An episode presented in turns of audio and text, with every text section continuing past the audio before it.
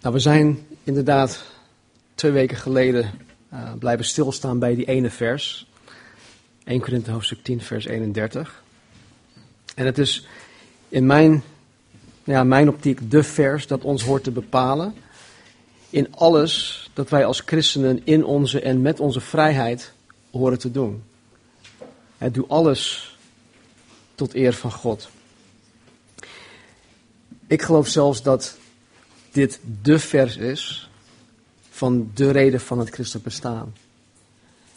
En dat hebben we vanmorgen gezongen. Ik, ik, ik, ik lette op de liederen, op de teksten. We zingen er heel veel over. Dat wij alles doen tot eer en glorie en verheerlijking van God. Dat zien we telkens terugkomen in de Bijbel. En we hebben het er ook met elkaar over. Dus wat Paulus in 1 Korinthe 10, vers 31 zegt, ja, of je dan nu eet of drinkt of wat je ook doet, wat je ook doet, het maakt niet uit wat je ook doet, doe alles tot eer van God. De christen, de kerk, de gemeente, eh, bestaat tot eer en glorie en verheerlijking van de God van de Bijbel. En dit is waar ons leven hier op aarde om draait.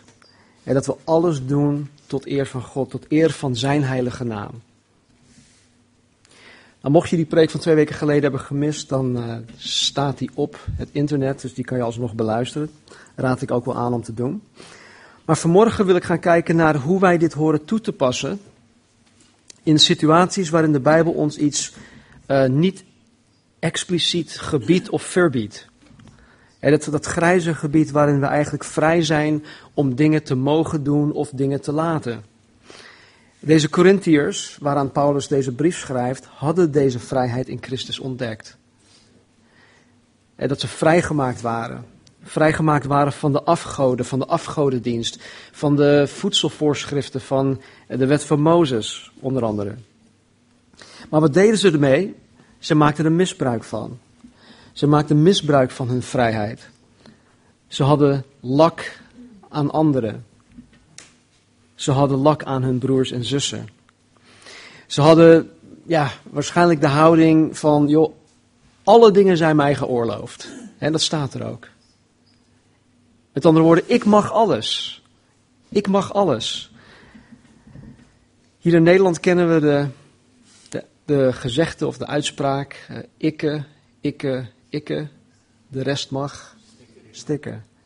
Dat is een beetje de houding van, van de Corinthiërs. En vandaar dat Paulus ook drie hoofdstukken besteedt aan dit onderwerp. Paulus zelf gebruikt deze uitspraak tot tweemaal toe. Alle dingen zijn mij geoorloofd. Ofwel, ik mag alles. En Paulus beaamt die gedachte ook, want in, in, in de context van, van waar, hij, waar hij dit in schrijft, hè, in het eten van het offervlees en dat soort dingen, is dat waar. Ze mochten alles. Maar ondanks dat ze het recht hadden om bepaalde dingen te mogen doen, legt Paulus hen uit dat zij niet aan zichzelf moeten denken, maar dat ze aan de ander moeten denken.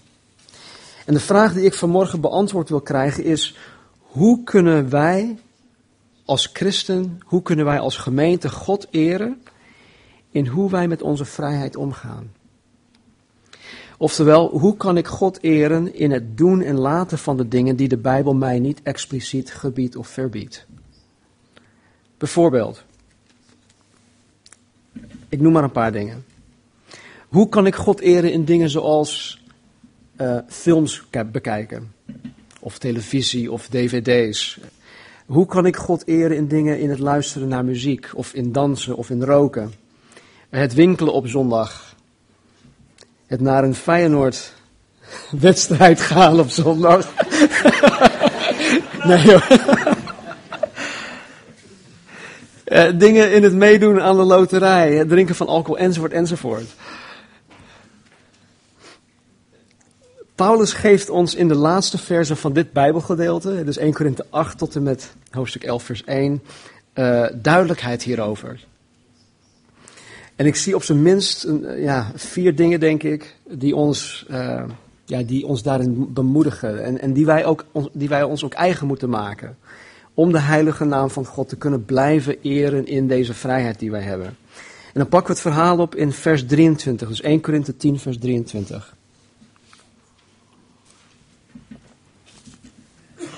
Paulus zegt, alle dingen zijn mij geoorloofd. Met andere woorden, ik mag alles, maar niet alle dingen zijn nuttig. Alle dingen zijn mij geoorloofd, maar niet alle dingen bouwen op. Met andere woorden, niet alles is nuttig en opbouwend voor zowel je eigen geloofsleven als het geloofsleven van je broer of van je zus, je naaste.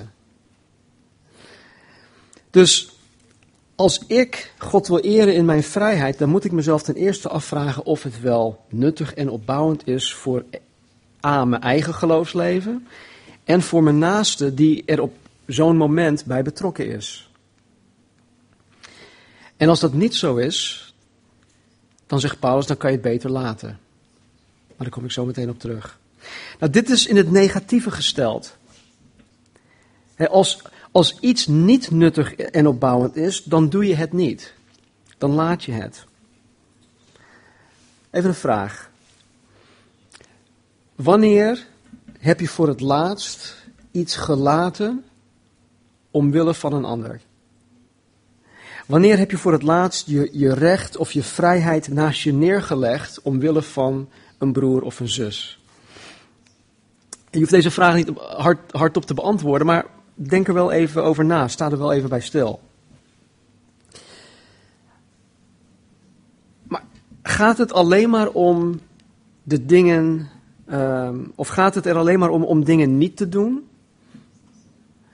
Of leert God ons hier ook om het in het positieve te stellen? Door dingen juist wel te doen.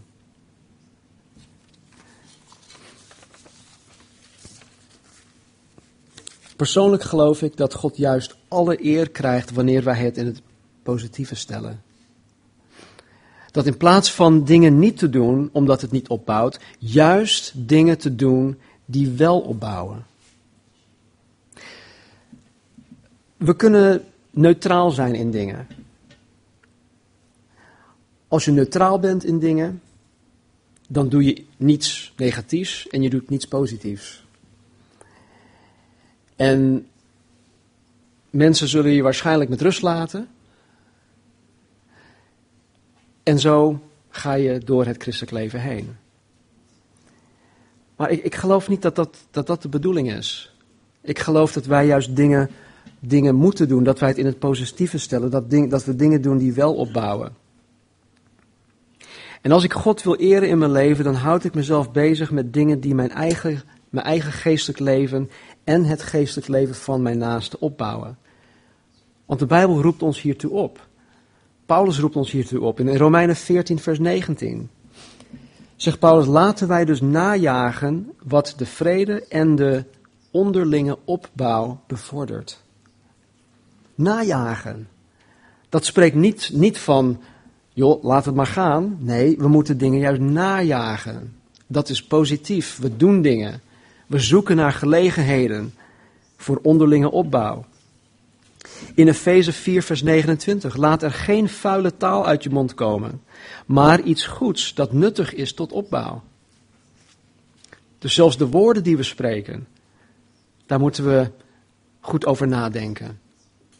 Want onze woorden kunnen mensen opbouwen, onze woorden kunnen mensen ook afbreken. In 1 Thessalonicense 5, 11 zegt Paulus, bemoedig elkaar en bouw de een de ander op. Hij is daar heel stellig in. Hij is daar heel duidelijk in. Maar hoe kunnen we onszelf en elkaar in ons geestelijk leven opbouwen?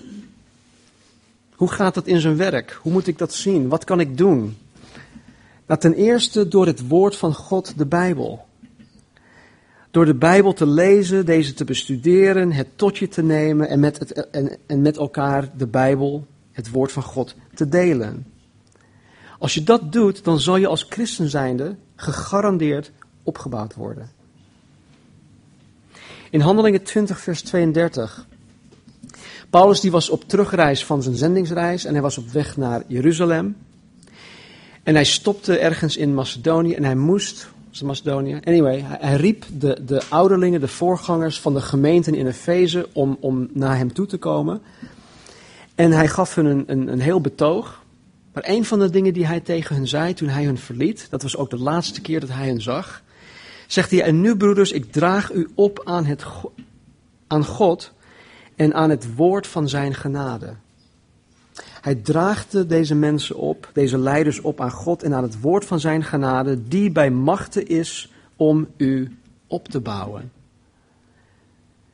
Dus Paulus zegt hier, het woord van God is bij machten om je op te bouwen.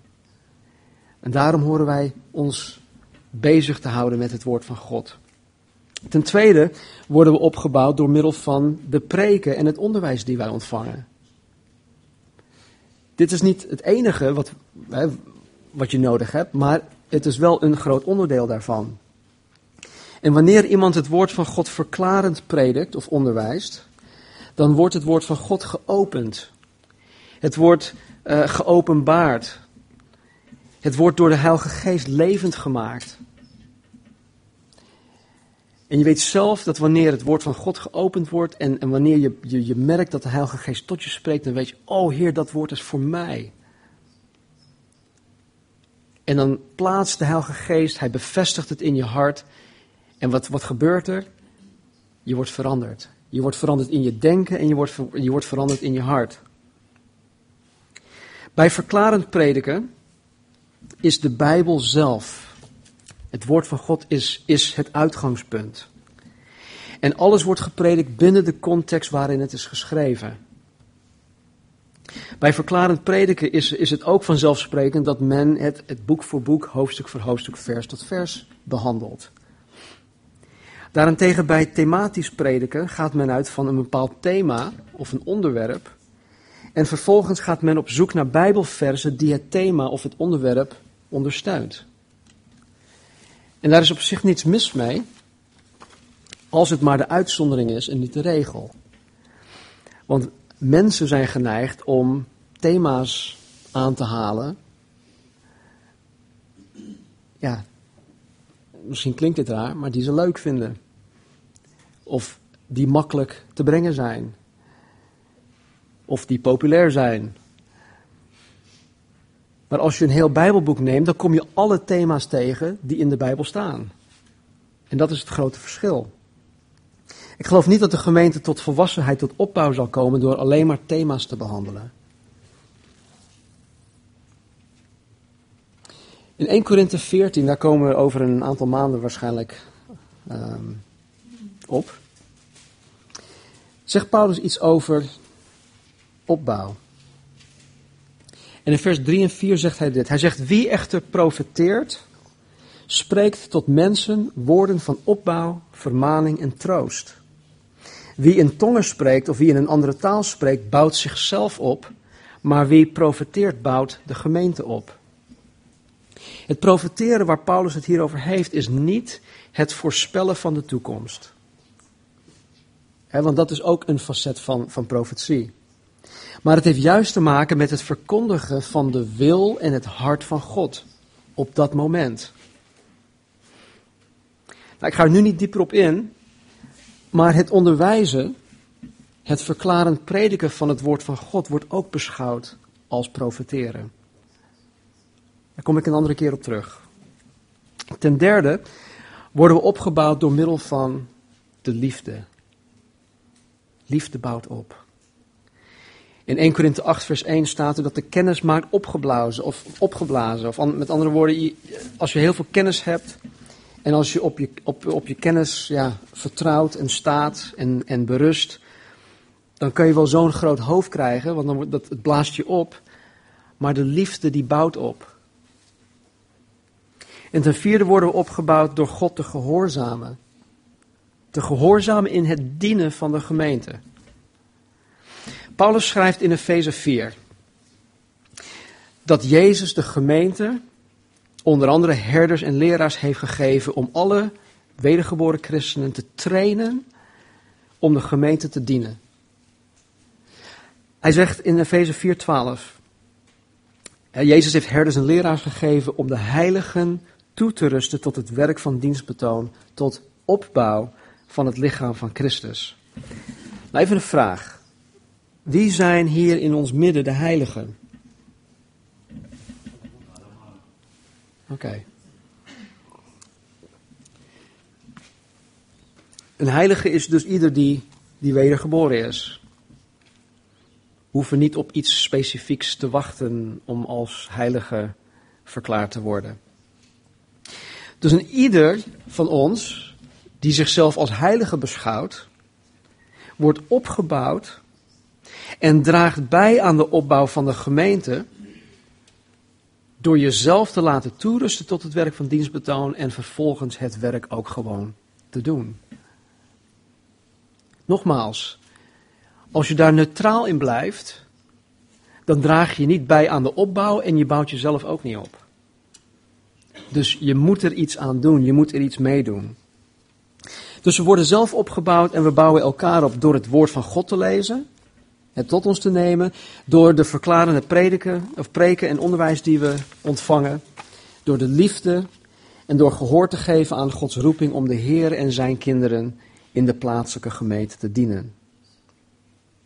1 Korinthe 14, vers 26 zegt Paulus, laat alles gebeuren tot opbouw. Dus alles dat we doen, hoort te gebeuren tot opbouw. En dan weer terug te komen op vers 10, vers 1, of hoofdstuk 10, 31, doe alles tot eer van God. Nou, vers 24. Laat niemand zijn eigen voordeel zoeken, maar ieder dat van de ander. Het tweede ding of het tweede principe om de heilige naam van God in onze vrijheid te kunnen blijven eren, is om het voordeel, ofwel de opbouw van de ander te zoeken. Als ik moet kiezen tussen mezelf op te bouwen of een ander op te bouwen, dan moet ik voor de ander kiezen. Uit liefde voor mijn broer of zus is het beter om iets te doen of laten dat hun opbouwt.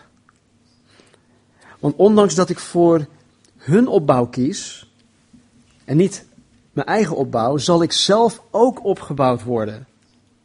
Waarom? Omdat de liefde bouwt op.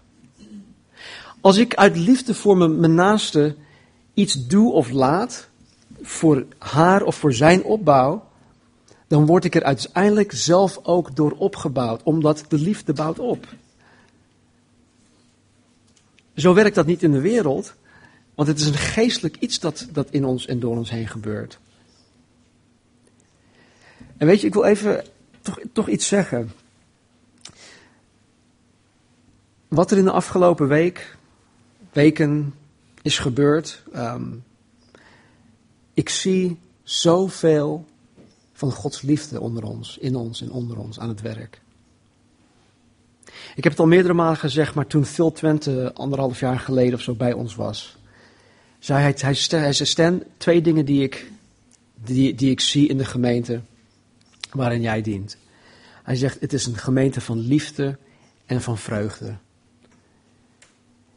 En als je dat van een buitenstaander hoort, die dan drie dagen lang in ons midden was, ja, dat, dat zeggen mensen niet zomaar. En ik heb de afgelopen week echt heel nadrukkelijk de liefde van God gezien. Vers 25. Eet alles wat in de vleeshal verkocht wordt, zonder naar iets navraag te doen omwille van het geweten. Van de Heere immers is de aarde en haar volheid.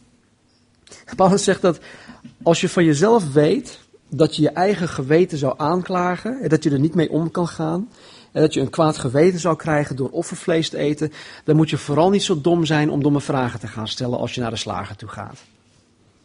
Van, oeh, hey, wat is de herkomst van dat vlees? Waar komt dat vandaan? Nee, laat het gewoon. Als je daar een, een, een lekker lap vlees ziet liggen en je denkt van, oh joh, dat nou op de barbecue of in de pan, nou heerlijk. Koop het gewoon. Stel geen vragen. Alles is toch van de Heer. Hij heeft alles geschapen, dus maak je niet druk daarover en stel vooral geen vragen. Vers 27.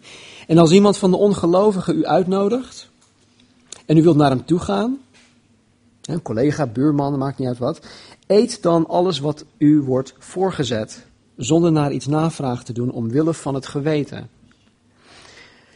Mensen, wij mogen gerust bij mensen op bezoek gaan die nog niet in Jezus geloven. En het niet, niet alleen mensen die wij leuk vinden. Maar stel dat je uitgenodigd wordt door een islamitisch gezin, waar je misschien een beetje bang van bent. Iemand met een lange baard, iemand met zo'n lange jurk, een man, ergens in Osdorp. Het is oké.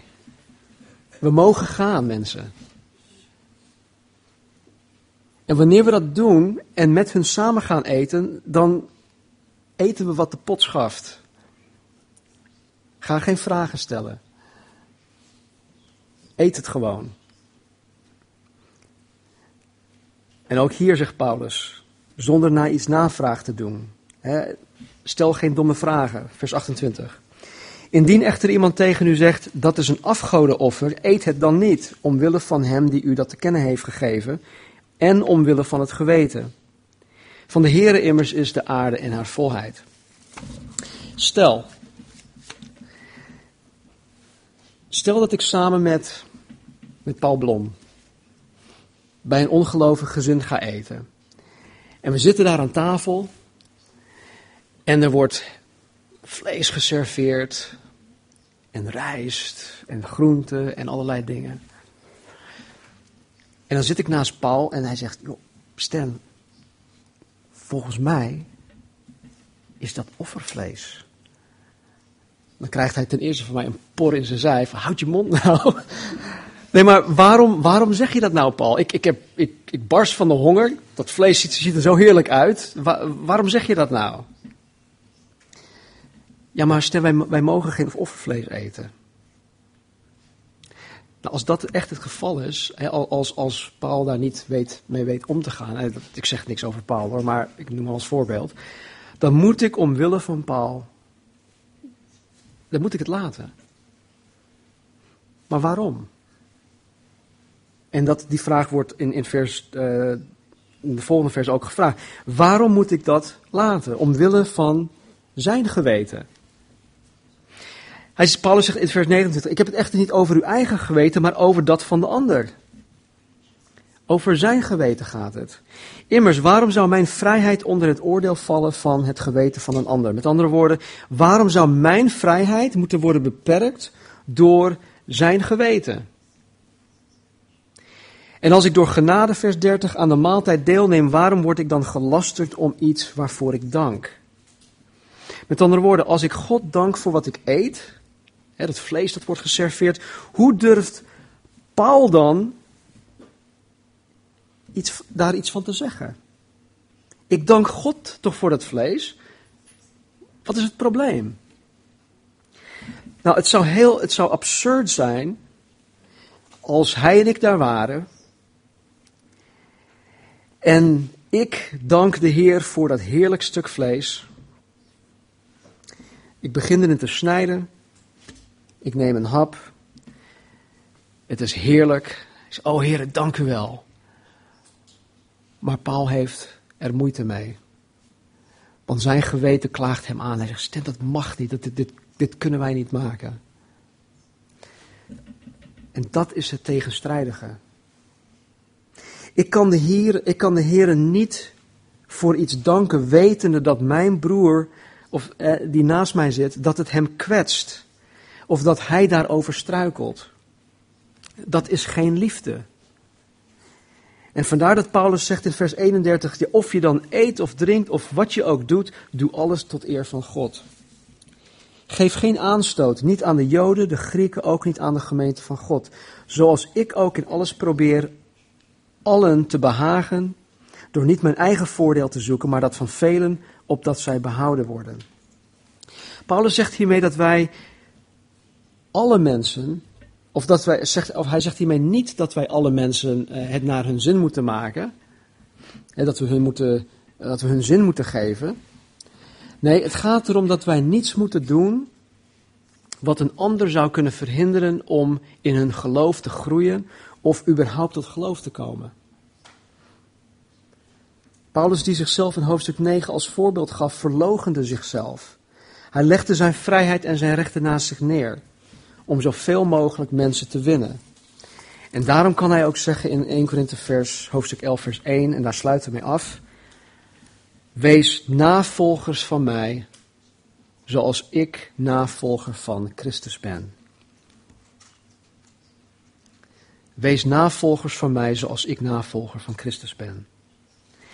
Jezus Christus is ons ultieme voorbeeld van zelfverloochening omwille van de ander. En dit heeft Jezus gedaan tot eer en verheerlijking van de naam van God. Alles, maar dan ook alles dat Jezus hier op aarde heeft gedaan, heeft de naam van God verheerlijkt. In Johannes hoofdstuk 17, vers 4, in het hoge priestelijk gebed, zegt Jezus tot de Vader, ik heb u verheerlijkt op aarde. Punt. Ik heb u verheerlijkt op aarde. Ik heb het werk volbracht dat u mij gegeven hebt om te doen.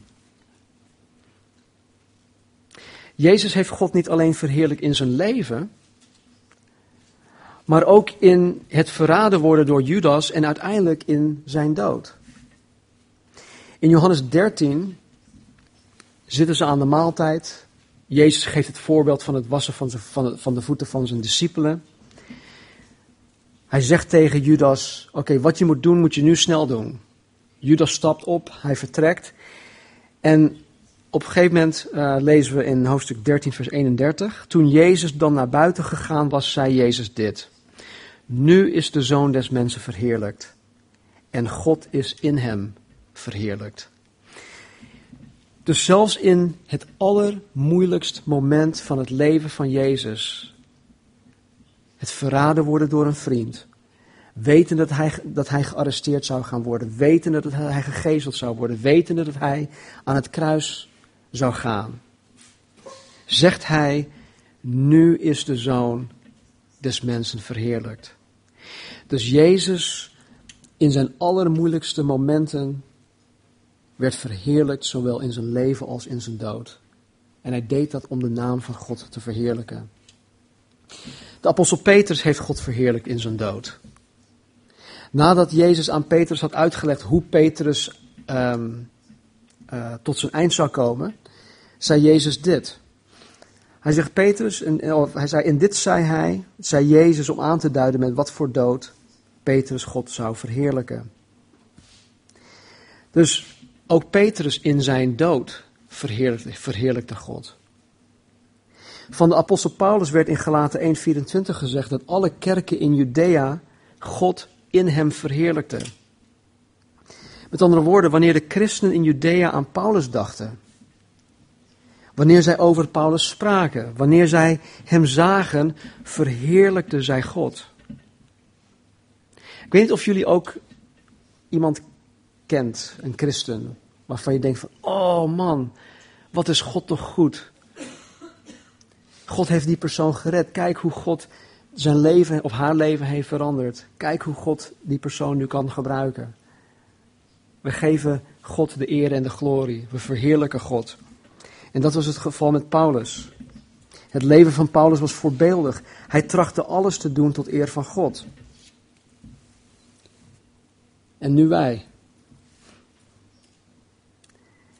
Zoals ik al zei, ik heb al heel veel mooie dingen zien gebeuren deze afgelopen week.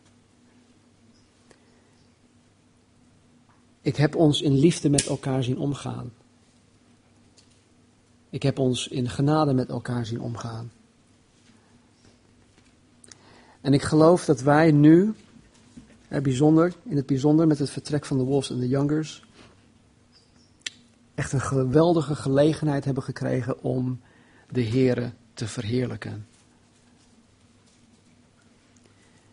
Willen wij Nederland bereiken? Willen wij mensen winnen? Jezus zegt, wanneer je elkaar lief hebt zoals ik je lief heb gehad, dan zullen mensen zien dat jullie mijn discipelen zijn. Dat is de beste vorm van evangelisatie, mensen, is wanneer wij elkaar lief hebben.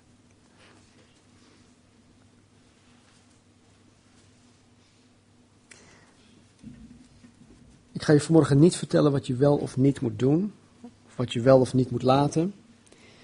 Want dat is uiteindelijk het werk van de Heilige Geest die ons hierin wil leiden.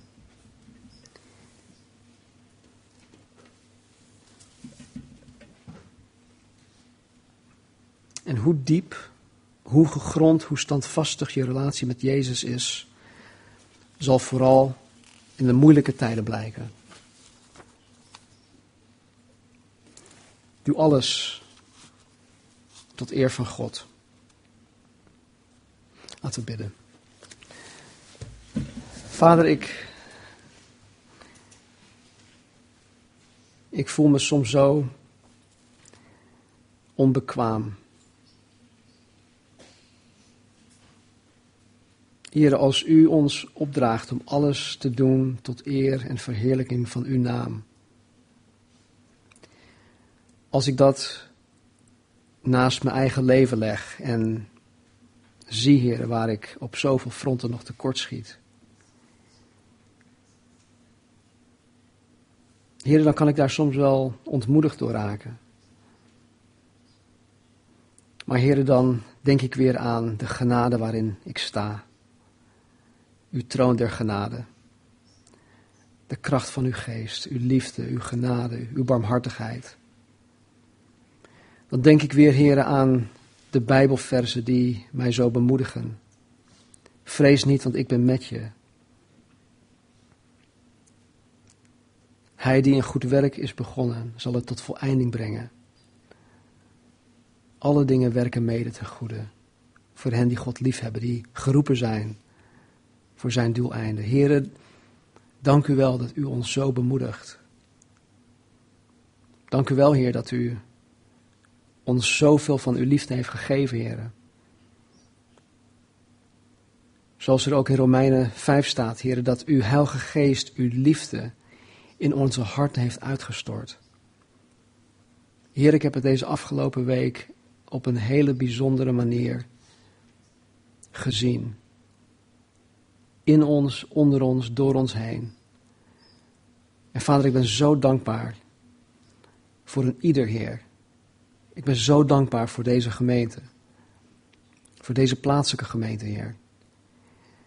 En zoals Joey ook zei, Heer, we hebben zoveel potentie, zoveel potentieel.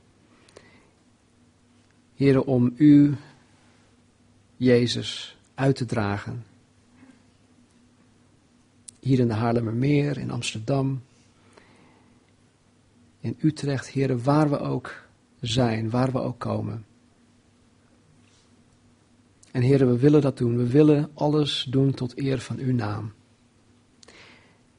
Heren, wetende dat, dat we dat niet alleen hoeven te doen om, om uw naam hoog te houden, om u van uw beste kant te laten zien. Maar heren, we mogen ook beroep doen op uw naam.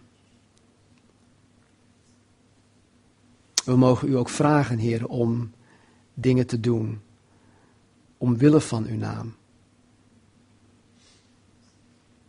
Dus Heer, omwille van uw naam vraag ik nu, Heer, dat u in ieder van ons zal blijven leiden. Zal blijven beschermen. Troosten waar we, waar we dat nodig hebben. Kracht geven, Heer, waar we dat nodig hebben. Getuigen zijn, Heer. Handelingen 1.8, wanneer de Heilige Geest over ons heen komt, zullen wij getuigen zijn. Heren, ik doe beroep op uw naam, heren, dat u ons helpt om getuigen te zijn. Want als wij dat niet zijn, heren, dan komt uw naam, dan leidt uw naam eronder. Help ons. Heren, zegen ons. Dat we uw naam, heren, hoog mogen houden. Dat we u niet zullen beschamen. Dank u, Vader. Ik vraag dit in de naam van uw Zoon, Jezus Christus. Amen. Laten we gaan staan.